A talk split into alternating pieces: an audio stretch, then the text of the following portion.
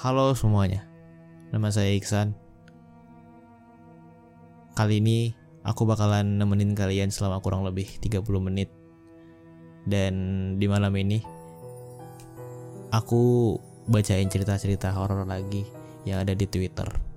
Yang berupa tweet horor dari teman-teman yang udah ngetek di Twitter baca horor. So, di malam ini tema kita tentang pendakian. Siapa coba yang gak punya kisah mistis di pendakian? Mungkin ada yang belum pernah, tapi dari sekian banyak orang pasti dia bakalan pernah dengerin sebuah cerita atau dia ngalamin sendiri tentang horornya atau kisah mistis di saat menaiki atau mendaki sebuah gunung. Jadi di malam ini aku bakalan bacain cerita horor dari Twitter @jrddrmwn. Pendakian Argopuro. Cerita ini diambil berdasarkan pengalaman nyata penulis. Assalamualaikum. Perkenalkan nama saya Jordi. Pada kesempatan kali ini saya akan bercerita tentang pendakian Gunung Argu Puro bersama sembilan teman saya. Sebenarnya udah lama sih. Udah hampir setengah tahun lebih. Ya mau gimana lagi, orang saya nggak pinter nulis dan belum siap juga buat cerita. Jadi ini tuh bukan pengalaman pertama dari penulis, tapi juga nggak sering-sering banget buat mendaki gunung. Karena dia juga sibuk sekolah katanya. Berhubung dapat jatah libur ujian nasional anak kelas 12 ya lumayan lah akhirnya yang bermula dari si Jordi ini bingung mau ngeplan ke mana kan. Kan lagi libur ya libur ujian nasional. Terus bingung mau ngeplan ke mana. Berhubung di gunung berhubung gunung di sekitar tempat tinggal tuh udah didaki semua akhirnya mereka terpaksa harus cari di luar kota. Dan akhirnya setelah beberapa hari rapat, akhirnya ketemu juga tujuannya. Dan saya agak kaget dengar hasil keputusannya.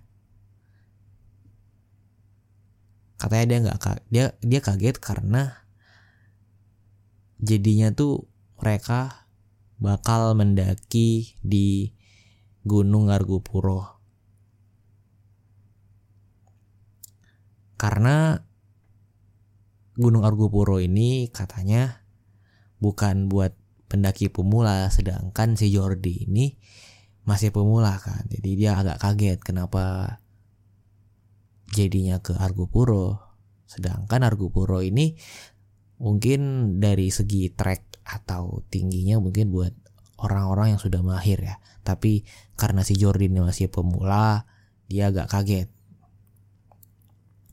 Soalnya untuk mendaki Gunung Argopuro dibutuhkan ilmu survival yang benar-benar matang.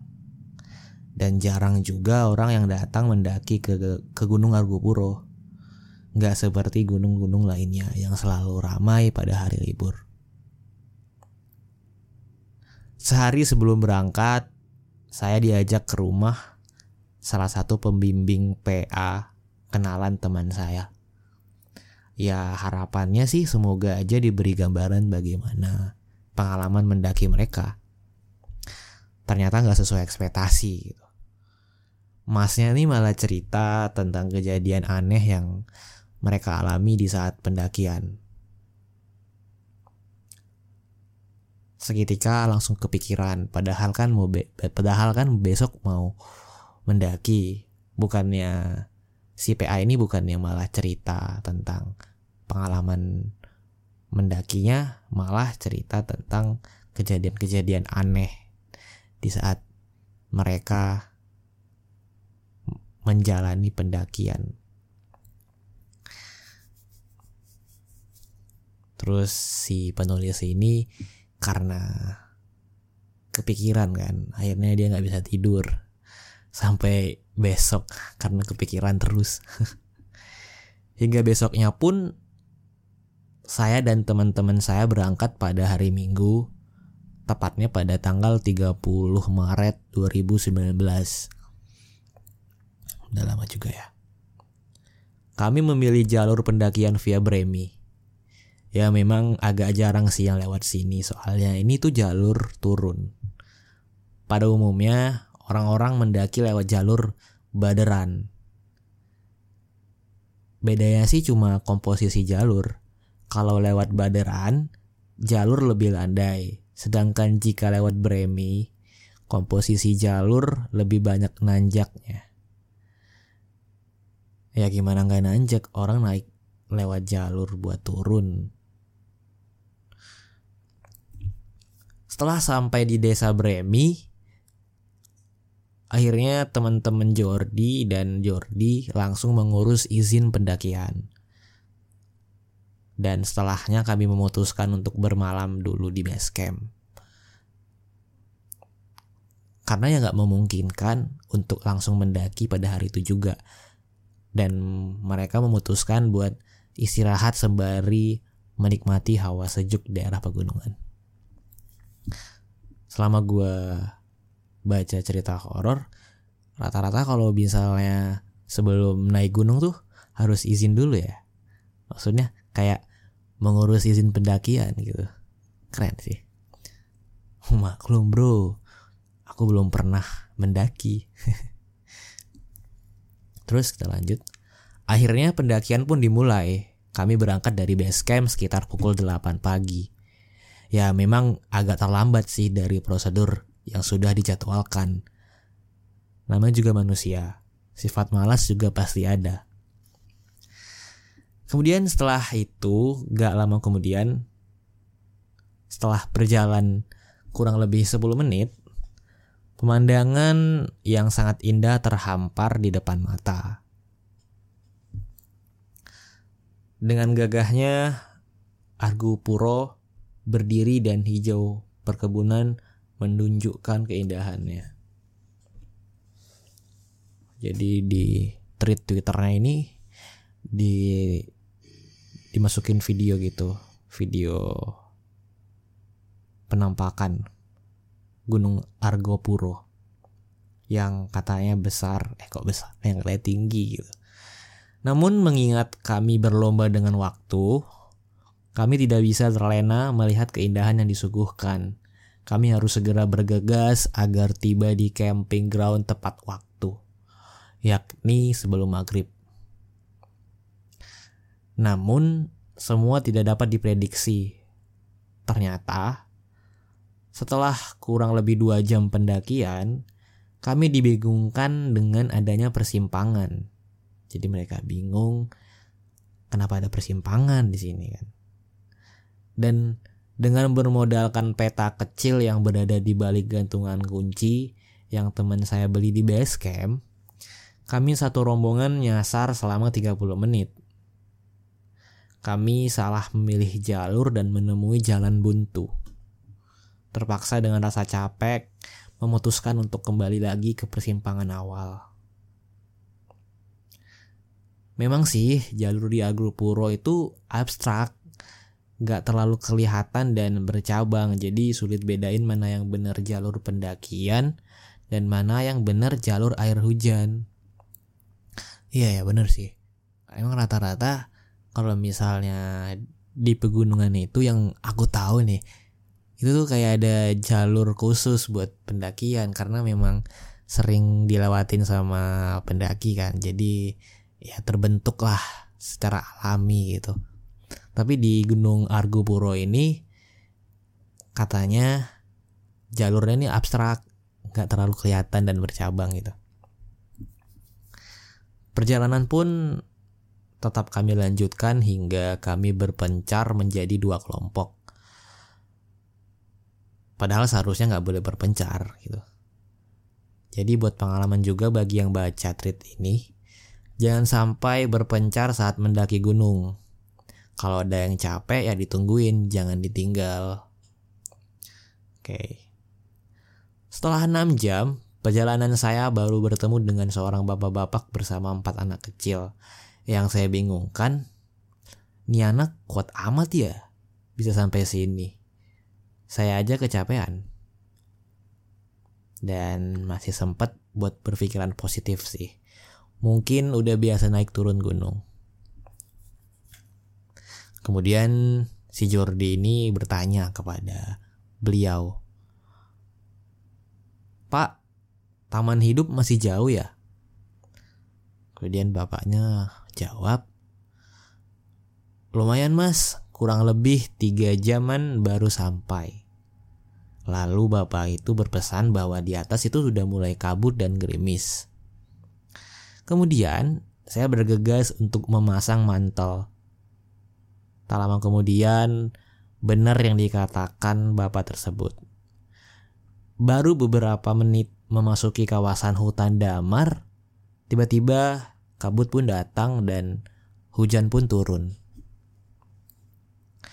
Seketika jarak pandang mulai terbatas sinar matahari gak dapat menembus hutan. Dan jalur pun dipenuhi oleh air sehingga licin untuk dipijak.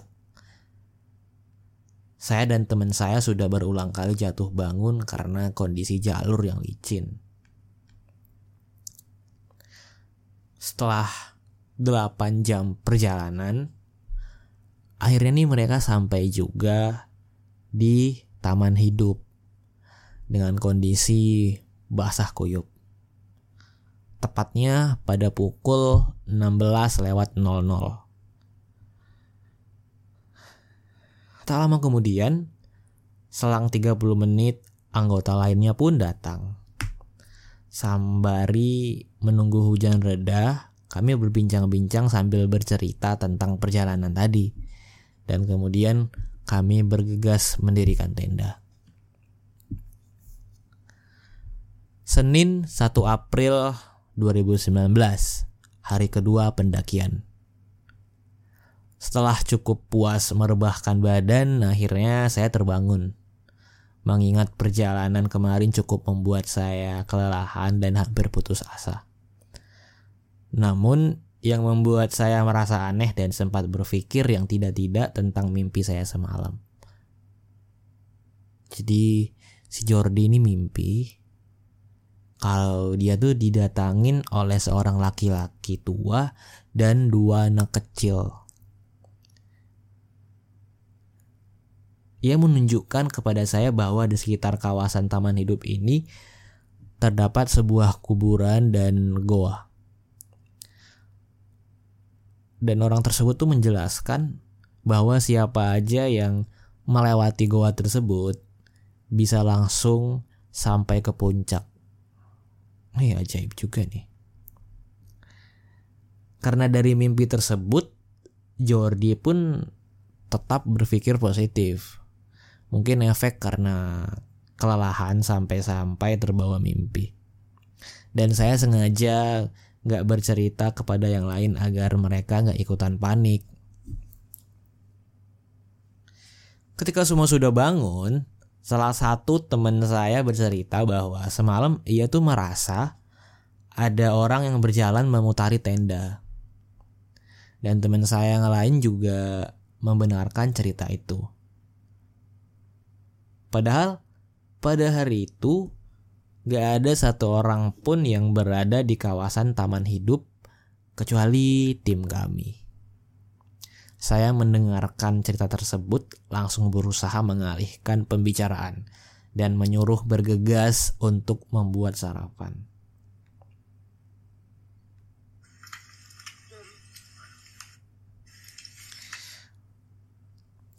Terus si Jordi ini ngasih saran sama kita semua. Sarannya kayak gini. Pada saat pendakian, Jika kita merasa ada sesuatu hal aneh, kayak misalnya bermimpi, melihat sesuatu yang di luar nalar, itu tuh lebih baik jangan diceritain terlebih dahulu. Jika memang nggak perlu diceritain sama teman-teman gitu. Tujuannya ya biar teman-temannya nggak ikutan panik. Kan kalau misalnya sama-sama panik kan jadi berubah situasinya. Jadi mencekam gitu kan. Cukup disimpan dan nanti aja pas sudah selesai mendaki atau pas di bawah. Lanjut setelah semua sudah puas mengisi perut salah satu teman kami merasa kelelahan dan tidak sanggup lagi melanjutkan perjalanan kami satu tim pun berunding untuk terus melanjutkan atau tetap stay di sini. Akhirnya dengan besar hati salah satu teman saya yakni Cipeng mau menemani rekan yang kelelahan dan menyuruh yang lain untuk tetap melanjutkan perjalanan. Oh, jadi si Cipeng sama temannya turun gitu. Buat buat nemenin temennya yang kelelahan tadi. Pada pagi itu cuaca memang gak bersahabat. Kabut tebal menyelimuti dan sesekali angin kencang tiba-tiba menghantam tenda. Lagi-lagi tidak sesuai dengan yang dijadwalkan. Ya mau gimana lagi, mengingat alam memang tidak dapat diprediksi. Valid bener. Setelah kurang lebih satu jam menunggu kabut hilang, akhirnya sang surya pun memberikan kehangatannya. Saya dan teman sependakian langsung bersiap-siap dan bergegas untuk melanjutkan perjalanan menuju puncak. Semua teman saya terlihat senang dan semangat untuk melanjutkan perjalanan. Namun dalam kepala saya terus teringat mimpi semalam dan membuat perasaan tidak tenang. Sekitar jam 8 kami pun melanjutkan meninggalkan kawasan teman hidup. Eh teman hidup. Taman hidup, sorry. Dan mulai melanjutkan trekking. Jalur kali ini terbilang tidak terlalu berat jika dibandingkan dengan jalur kemarin. Ya memang agak banyak jalan setapaknya sih. Apalagi dikurangin beban carrier yang kami tinggal di tenda jadi karirnya ditinggalin di tenda ya guys. Oh. Kami hanya membawa tas kecil yang cukup untuk membawa air mineral dan beberapa makanan ringan untuk mengganjal lapar pada saat perjalanan. Tak lama kemudian, akhirnya kami memasuki kawasan hutan lumut. Dinamakan hutan lumut, jadi itu karena hampir semua pohon yang ada di kawasan ini tuh ditutupin sama yang namanya lumut. Jadi ya sejauh mata memandang cuma kelihatan hijau aja gitu. Karena itu disebutlah namanya kawasan hutan lumut. Namun di sini keanehan mulai saya rasakan. Dari awal saya memasuki kawasan hutan lumut, saya merasa seperti ada yang mengawasi dan mengikuti.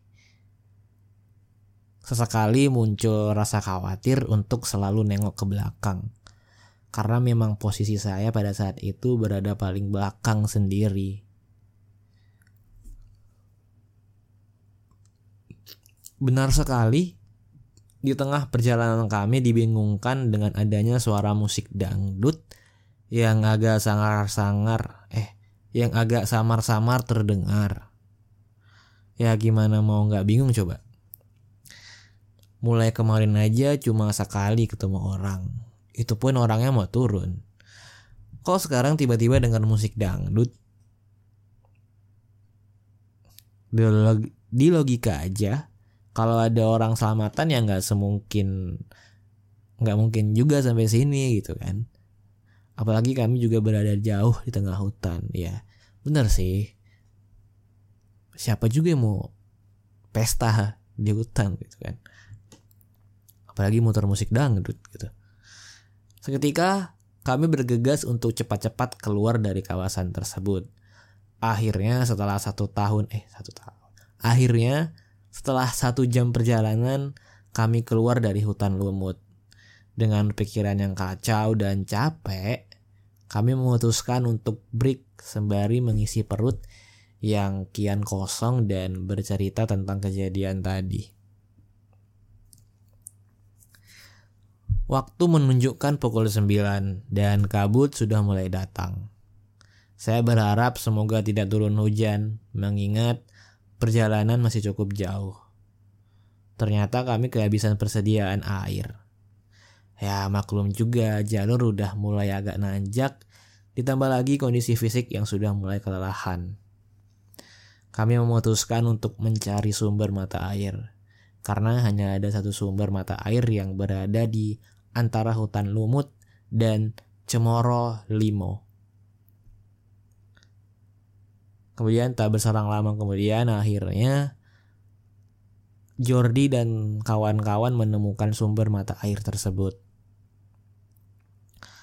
Tujuan kami selanjutnya adalah Cemoro Limo.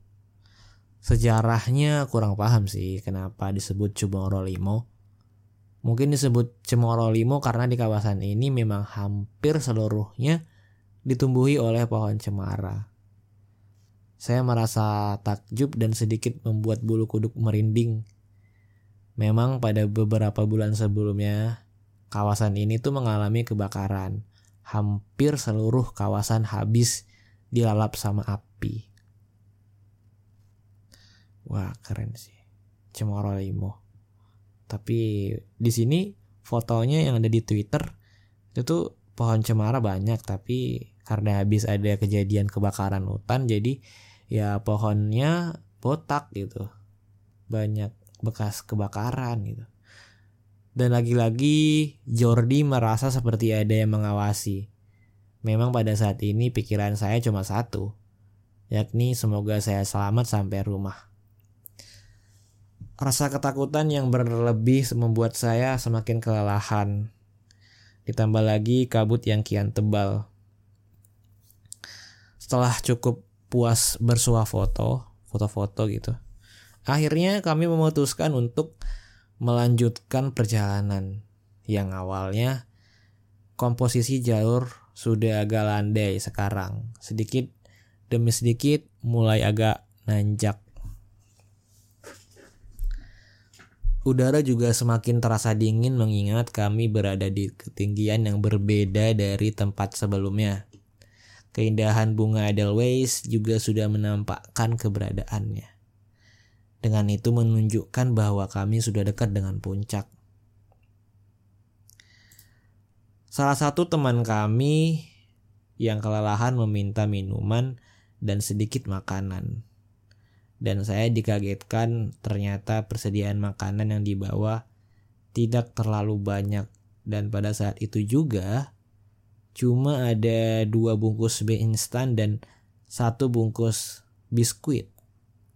Mau tidak mau, kami harus berbagi makanan.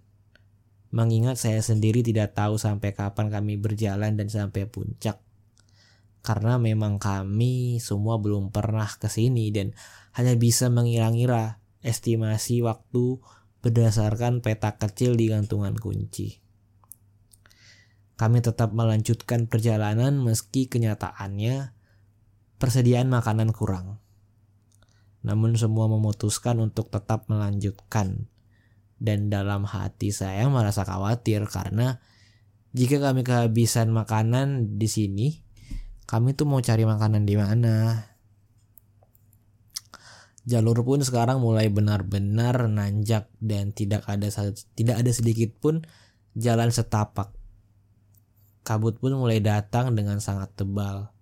Pikiran saya semoga nggak turun hujan akhirnya kami pertama kali bertemu rombongan pendaki lain yang berasal dari Jakarta.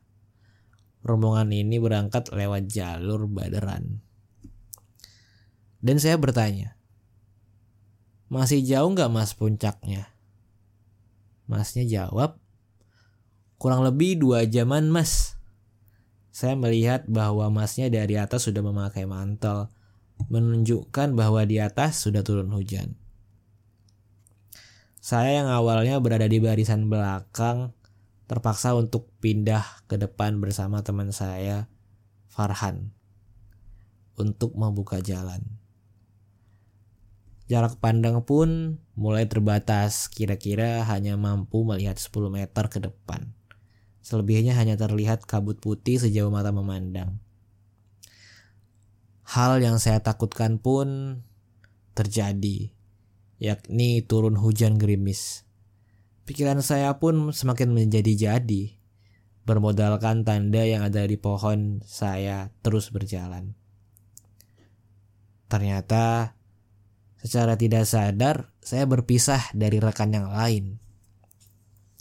Di sini Jordi dan Farhan memutuskan untuk break sejenak.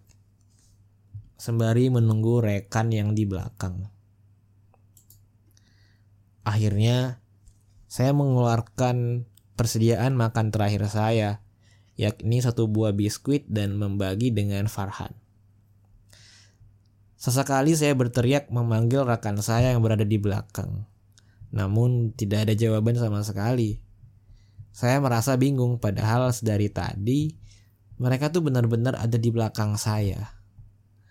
Tanpa ada suara minta break, tiba-tiba udah gak ada di belakang. Akhirnya saya dan Farhan memutuskan untuk kembali dan mencari mereka. Mereka pun akhirnya ketemu dengan mata kepala saya sendiri, saya melihat rekan yang lain sangat kelelahan. Mereka ternyata sangat kelaparan dan kami bingung mau makan apa. Soalnya persediaan makan sudah habis dan sisa yang lain ada di tenda. Kemudian tidak ada pilihan lain, kami pun memutuskan dengan bermodalkan sedikit ilmu survival Akhirnya kami memutuskan untuk memakan daun yang ada di sekitar tanpa memikirkan resikonya. Dan ini kali pertama saya mendaki gunung sampai kehabisan makanan. Setelah cukup lama break, kami berunding mau melanjutkan atau kembali ke taman hidup. Ada beberapa teman kami yang benar-benar kelelahan dan tidak mampu untuk melanjutkan perjalanan. Teman kami yang kelelahan memutuskan untuk menunggu di sini dan menyuruh dan menyuruh empat orang lain untuk naik, termasuk saya dan Farhan. Rekan yang lain hanya minta difotokan puncak. Kemudian dengan bermodalkan tekad, Jordi dan teman-teman melanjutkan perjalanan. Sekitar 30 menit berjalan, lagi-lagi saya berpisah dengan dua teman saya di balik kabut. Saya dan Farhan mulai merasa kebingungan. Jalur yang saya lewati tiba-tiba buntu dan tidak ada ten dan tidak ada tanda penunjuk jalan sama sekali. Di sini saya sempat bilang ke Farhan, aku nggak mau mati di sini. Dan Farhan menjawab, ya sama, aku juga. Akhirnya Farhan mengeluarkan sebilah parang yang dibawanya dan mulai menebas ranting yang ada di depan. Sebenarnya saya terpaksa dan takut melakukan hal ini. Mau gimana lagi, keadaan sudah cukup terdesak. Setelah beberapa lama mencari jalur akhir, setelah beberapa lama mencari jalur, akhirnya saya menemukan titik terang. Terlihat di atas tidak ada lagi tanjakan dan saya bergegas untuk ke atas. Benar, akhirnya saya merasa sampai di tempat lapang. Tapi tidak dapat memastikan ini tuh di mana. Karena kabut masih menyelimuti. Kali ini saya benar-benar merasa putus asa. Gimana nggak putus asa coba? Kabut tetap tebal. Sekali angin menghantam tubuh dan saya sempat berpikir bahwa saya akan mati di sini. Mengingat persediaan air dan makanan sudah benar-benar habis. Dalam hati saya berdoa semoga saya diselamatkan dan diberikan petunjuk. Beberapa menit setelah berdoa, tiba-tiba kabut dan angin menghilang. Sinar matahari tiba-tiba dapat menjangkau kami. Seketika di sekitar yang awalnya penuh kabut, akhirnya semua terlihat jelas. Ternyata di tempat yang saya pijak ini merupakan puncak arka. Hal tersebut ditandai dengan adanya sebuah ar arca atau patung dan bongkahan batu kuno di sekitarnya. Saya melihat ke arah kanan di puncak yang lain, ternyata terlihat sang saka berkibar. Saya mengira bahwa saya saya salah jalur. Namun setelah berkeliling, saya menemukan jalur berbatu yang terlihat jelas. Saya dan Farhan mencoba mengikuti jalur tersebut. Setelah 15 menit berjalan, akhirnya saya sampai di puncak sejati Gunung Argopuro. Rasa lelah dan putus asa seketika terbayar melihat puncak Argopuro. Dan seketika saya langsung sujud syukur dan tidak dapat berkata apa-apa lagi. Ternyata sang saka yang saya lihat di sebelah kanan merupakan puncak Rengganis. Memang Gunung Argopuro memiliki tiga puncak, yakni puncak sejati, puncak Arca, dan yang terakhir puncak Rengganis. Kemudian teror masih berlanjut. Tapi si Jordi yang bikin tweet ini mengakhiri tweetnya. Oke. Mungkin itu aja teman-teman buat part yang ini. Kita tunggu part atau bagian cerita-cerita horor dari Mas Jordi lainnya. Nanti mungkin bakal aku upload di podcast dengerin horor. Oke teman-teman, makasih teman-teman udah dengerin podcast dengerin horor. Buat teman-teman yang udah dengerin sampai habis, aku mau minta maaf kalau misalnya aku ada salah dan aku juga mau terima kasih buat teman-teman yang udah setia dengerin podcast dengerin horor buat teman-teman yang dengerin di Apple Podcast, aku minta tolong buat dikasih review dan ratingnya berapapun itu karena aku butuh banget kritik dan saran dari teman-teman. Dan buat teman-teman yang ada di Spotify yang dengerin aku di Spotify, aku minta tolong buat di share ke Insta Story atau di sosial media kalian lah ya. Dan jangan lupa buat di follow. ya teman-teman terima kasih. Aku Iksan Selamat malam.